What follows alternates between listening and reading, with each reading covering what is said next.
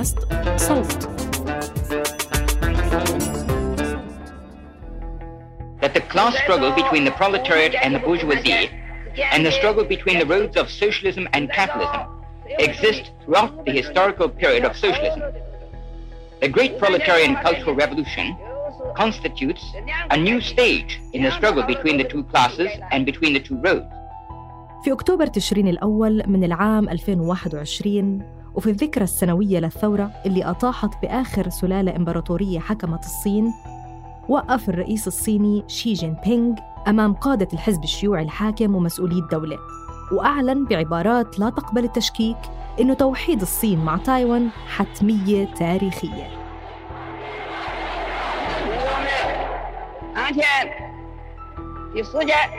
American friends, at present, an excellent situation prevails in the world. The great upheavals of the past few years in the world show that the days of imperialism headed by the United States, modern revisionism, and all reaction are numbered.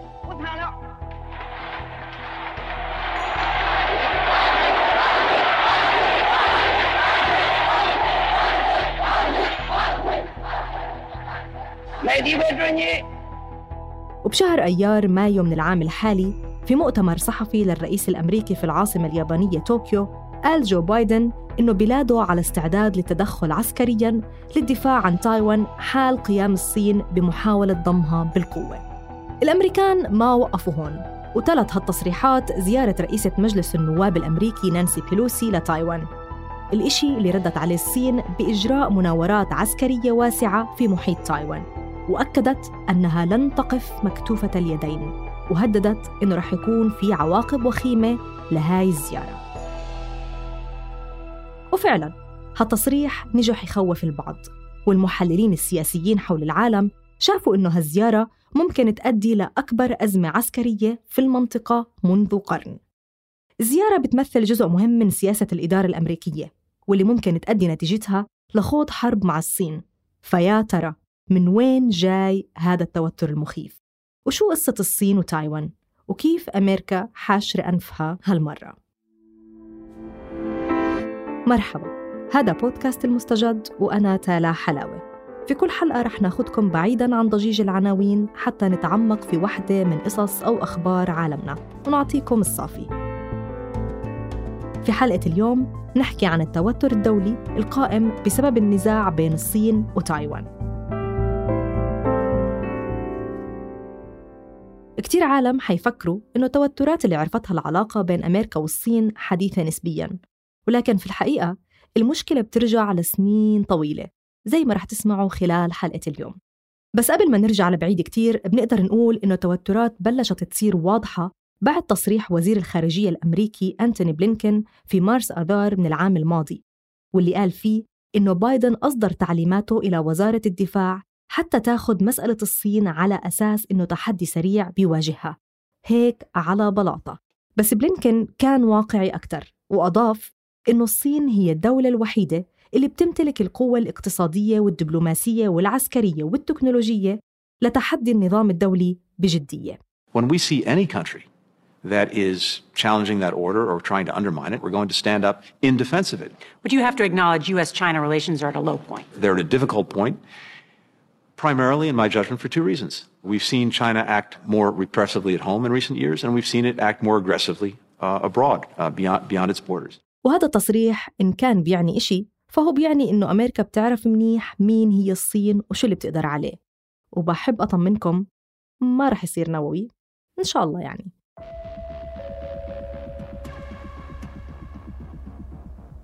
الأزمة ما طولت وسمعنا بسرعة عن تصريح بايدن اللي إجا بالرابع والعشرين من الشهر الماضي في ملتقى قمة العشرين في بالي في إندونيسيا واللي قال فيه إنه بلاده على استعداد لإدارة الخلافات مع الصين وإنه واشنطن مش في حرب باردة وما بدها تتحول المناقشة لنزاع بس إذا عملنا فلاش باك ورجعنا لورا شو كان موقف أمريكا من الصراع الصيني التايواني؟ اعتبرت أمريكا داعم رئيسي للنظام السياسي في تايوان منذ نشأته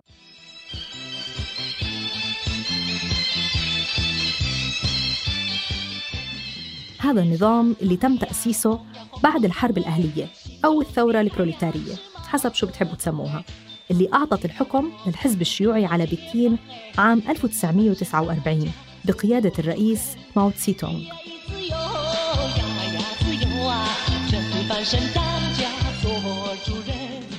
بالتزامن مع هالحدث العظيم استرجعت جزيرة تايوان من أيادي المحتلين اليابان وصارت تحت إمرة الصين.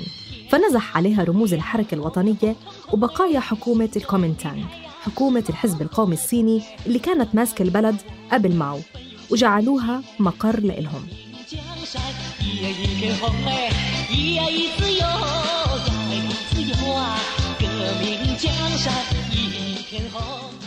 وهكذا صرح كلا الجانبين إنهم بيمثلوا الصين كلها ومن وقتها سيطرت هاي المجموعة اللي ببلغ عددها واحد ونص مليون نسمة على السياسة التايوانية على الرغم من إنها بتمثل 14% بس من تعداد سكان تايوان بهداك الوقت.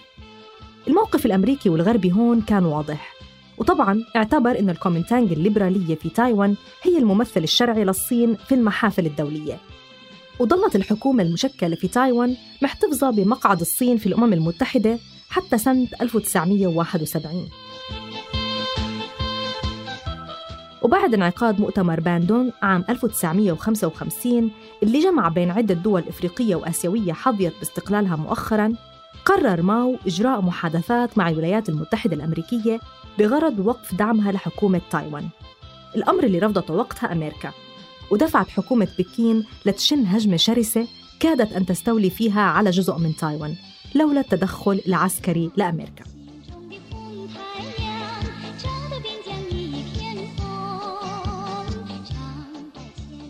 لكن بعد فترة من الركود في العلاقة بين الصين والاتحاد السوفيتي اكتشفت الولايات المتحدة مدى أهمية استرجاع حليف مهم مثل الصين في الساحة الدولية الاقتصادية مقارنة بجزيرة صغيرة زي تايوان.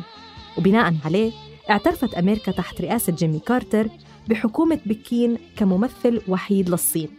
بس مع هيك رفضت الاعتراف بالسيادة الصينية على تايوان. واحتفظت بعلاقات رسمية مع جمهورية الصين الشعبية وبعلاقات غير رسمية مع تايوان فشو كان موقف تايوان المحرج؟ وهل عن جد كان محرج؟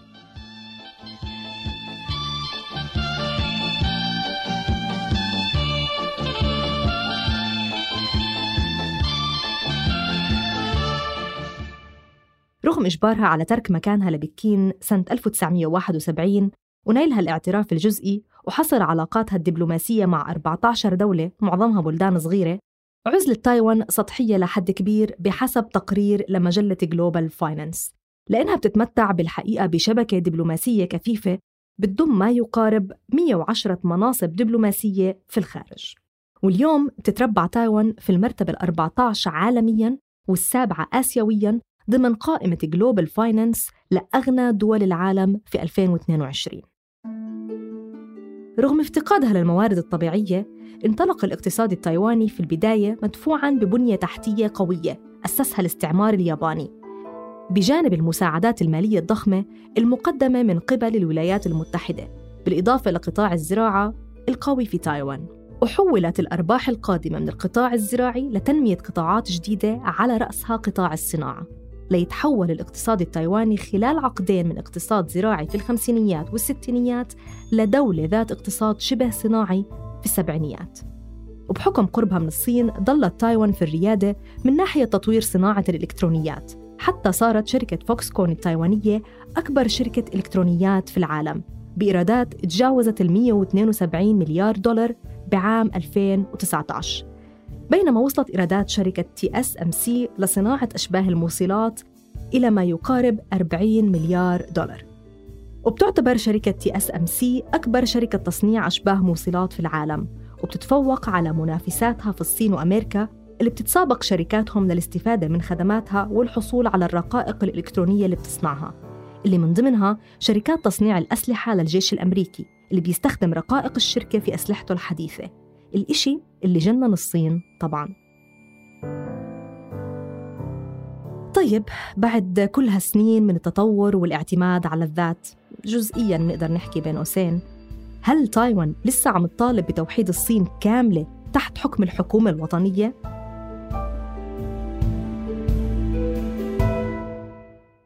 في الحقيقة تايوان صار عندها دستورها الخاص ورئيسها المنتخب من قبل التايوانيين. وجيش بتكون من 300 ألف جندي وبلغ عدد سكانها 23 مليون نسمة وصارت قوة اقتصادية بشوفها الغرب كجزيرة ديمقراطية بتشاركهم الأيديولوجيا السياسية والاقتصادية.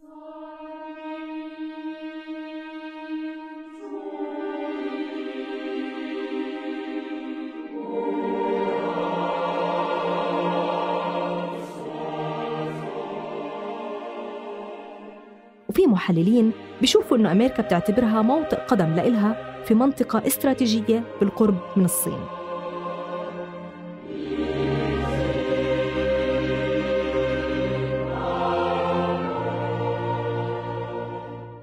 الأكيد إنه مع الزمن تخلت النخبة التايوانية عن حلم توحيد الصين تحت سلطتها. واعترف دستور تايوان اللي كتبه مؤسسيها بمنغوليا والصين وبحر الصين الجنوبي والتبت كمناطق مستقلة ومش جزء من تايوان.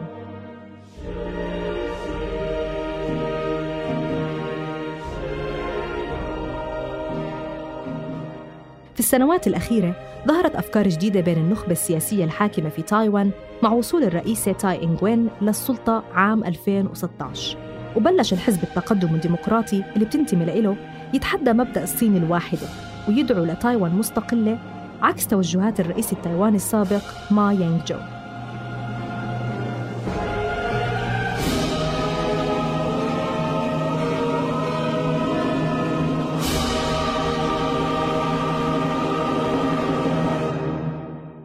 وعلى المستوى الشعبي بتشهد تايوان اليوم انقسام بيتشكل حسب الأجيال والأحزاب.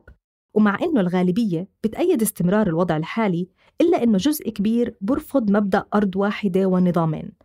من منطلق إنه تايوان والصين جغرافيا واحدة من زمان. خاصة بعد الأحداث اللي شهدتها هونغ كونغ من تنامي قمع الحريات من طرف بكين. وبشوف البعض إنه هذا الشيء دليل على استحالة التمسك بحكم ذاتي مستقل تحت ظل سلطة بكين. أما نظرة الصين بتأكد طبعاً على إنه مسألة تايوان مسألة داخلية بتخص الصين وبس. ولازم تنحل بين الشعبين أو الشعب الواحد عشان نكون أكثر دقة. دون تدخل أي دولة أخرى. هيك يا عمي راسهم بدهم مش حدا يتدخل. بس طبعاً رفض التدخل هاد كلنا بنعرف ليش ومن وين جاي. الصين ما فوتت ولا فرصة نسيت فيها أمريكا الموضوع إلا ولقيناهم عند الحدود بدهم يهجموا على تايوان. فشو العمل يا صين؟ ما في نقاش مع الصين اللي براسها براسها وبترفض باسم رئيسها الحالي كل المؤامرات الهادفة إلى تقسيم الوطن والأمة وأي محاولة لخلق صينين أو صين واحدة وتايوان واحدة. بعرفش ليش سمعتها بصوت بشار الأسد. وننتصر من دون أدنى شك على المؤامرة. هم الآن في مراحلهم الأخيرة أو في مرحلتهم الأخيرة من المؤامرة ونحن سنجعل هذه المرحلة هي النهاية بالنسبة لهم ولمخططاتهم. وعلى نهج الأسد. أصدرت الصين عام 2005 قانون ضد انفصال تايوان بنص على استخدام الوسائل غير السلمية حال إعلان تايوان استقلالها وهذا قانون داخلي.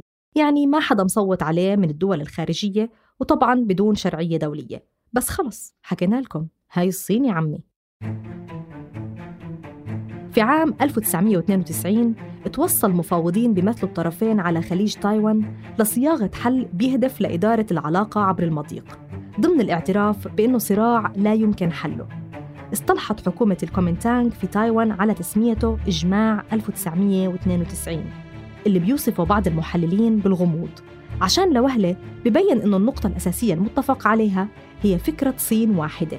لكن تفسير هاي الفكرة بيختلف بين الطرفين. عشان المحللين السياسيين حول العالم برضه حكوا إنه الهدف الحقيقي من الإجماع ما كان الوصول لتوافق آراء نهائي بين الطرفين ولكن الوصول إلى إطار لإدارة العلاقة مش أكثر. من وجهة نظر الصين وجود نظامين في آن واحد على أساس مبدأ صين واحدة ما في مشكلة. وبيقولوا إنه ممكن نطبق النظام الاشتراكي في بر الصين الرئيسي وتحافظ تايوان على نظامها الحالي. وبيضل نظامين معا لمدة طويلة وبتطوروا مع بعض. وكمان بتأكد الصين إنه بعد تحقيق توحيد ضفتي المضيق ما رح يتغير النظام الاجتماعي والاقتصادي الحالي في تايوان وما رح تتدخل بأسلوب حياتها ولا علاقاتها الاقتصادية والثقافية مع دول أخرى. ورح تحظى الممتلكات الخاصة وحقوق امتلاك العقارات والمؤسسات وحق الوراثة واستثمارات الأجانب بالحماية القانونية. طيب شو بدك أحسن من هيك يا تايوان؟ ليش ما بدك ترجعي لحضن الصين الدافي؟ بترد علينا الرئيسة التايوانية المؤيدة لاستقلال تايوان تاي إنغوين إنه بعد إعادة انتخابها اتكررت التصريحات الصينية اللي بتأكد إنه الصين مش رح تتخلى عن خيار استخدام القوة لبسط نفوذها على تايوان وإنه أي محاولات لانفصال الجزيرة ستواجه باستخدام القوة العسكرية وفي السنوات الأخيرة ارتفعت وتيرة التجهيزات العسكرية وتكررت تدريبات الجيش الصيني في محيط تايوان وفي نفس الوقت أعلنت أمريكا عن إجراء مناورات عسكرية في المنطقة مع كذا دولة توقع على بحر الصين الجنوبي. الأمر اللي شكل تخوف دائم عند السلطة التايوانية إنه إذا سلموا ووافقوا على المقترح الصيني رح يجي يوم وتبطل تايوان تحظى بنظام إدارة مستقل والجيش الصيني جاهز لو حدا عارضه يعني. من الممكن تلخيص وجهة النظر المؤيدة لتايوان مقابل الصين ومقارنتها بالحرب الروسية على أوكرانيا استناداً لشو كتب رئيس الوزراء الياباني السابق شينزو آبي اللي قال إنه سياسة الغموض الاستراتيجي اللي بتتبعها أمريكا تجاه مسألة تايوان من شأنها تعزيز عدم استقرار المنطقة لأنها بتخلي الصين تستهين بجدية رغبة الولايات المتحدة بالتدخل العسكري. وبيأكد آبي أن المجتمع الدولي أذعن بالنهاية لقيام روسيا بضم شبه جزيرة القرم لأراضيها عام 2014 رغم اعتداء روسيا على أراضي دولة أخرى ذات سيادة ومعترف فيها من قبل المجتمع الدولي. وبالنظر إلى أنه معظم دول العالم ما بتعترف بتايوان كدولة ذات سيادة فما رح يكون مستغرب تعويل قادة الصين على أن يكون العالم أكثر تهاونا معهم مما كان مع روسيا في حال ضمها لتايوان اللي بيعتبروها جزء من بلادهم. وهيك بنقدر نقول إنه علاقة الصين وتايوان ممكن تكون علاقة سامة ومبنية على حب التملك والتهديد. لكن تأكيد الإدارات الأمريكية المتعاقبة على سياسة الصين الواحدة والإقرار بأنه تايوان جزء من الصين دون سيادة بكين عليها في الحقيقة وبحسب الخبراء هو الأمر اللي سمح بالحفاظ على الاستقرار في مضيق تايوان وترك للجانبين العمل على حل دون استخدام القوة لتغيير الوضع. وأصبح البر الرئيسي الصيني شريك تجاري رئيسي للولايات المتحدة. لكن بنفس الوقت حافظت أمريكا على دعم تايوان بوسائل متعددة. وعلى إثر الاعتراف بالصين الشعبية أقر الكونغرس الأمريكي قانون العلاقات مع تايوان اللي نظم العلاقات مع الجزيرة والمصالح الأمنية والتجارية للولايات المتحدة. فبتعترف وزارة الخارجية الأمريكية بتايوان كدولة ديمقراطية رائدة وقوة تكنولوجية تعد شريكاً رئيساً للولايات المتحدة في منطقة المحيطين الهندي والهادئ.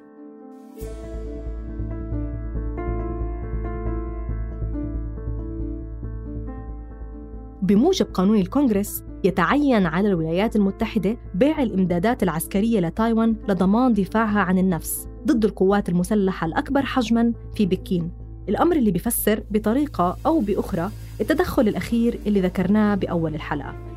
وهذا الإشي طبعاً زي ما بتعرفوا يا مستمعينا الأعزاء أكيد راجع لمهمة كابتن أمريكا لإنقاذ العالم والعمل على السلام في الكوكب.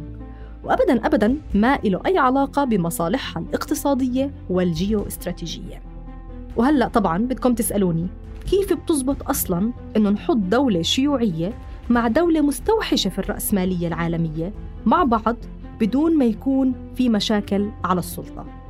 صراحة ما بعرف. اسألوا الناس بكوكب الأرض. بس أنا هلأ سؤالي إلكم. إذا كنتوا محل تايوان بتختاروا تضلوا أحرار ومش معترف فيكم حدا؟ ولا بتختاروا تستروا على حالكم وتضلوا بعلاقة سامة؟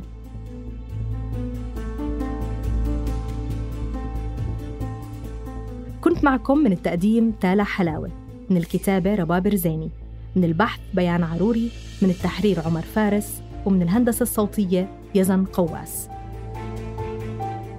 اشتركوا بقناة المستجد وين ما كنتوا عم تسمعوا هاي الحلقة لتوصلكم تنبيهات الحلقات الجديدة. وكمان فقرتنا المصغرة الأسبوعية المستجد جدا. بودكاست المستجد من إنتاج صوت.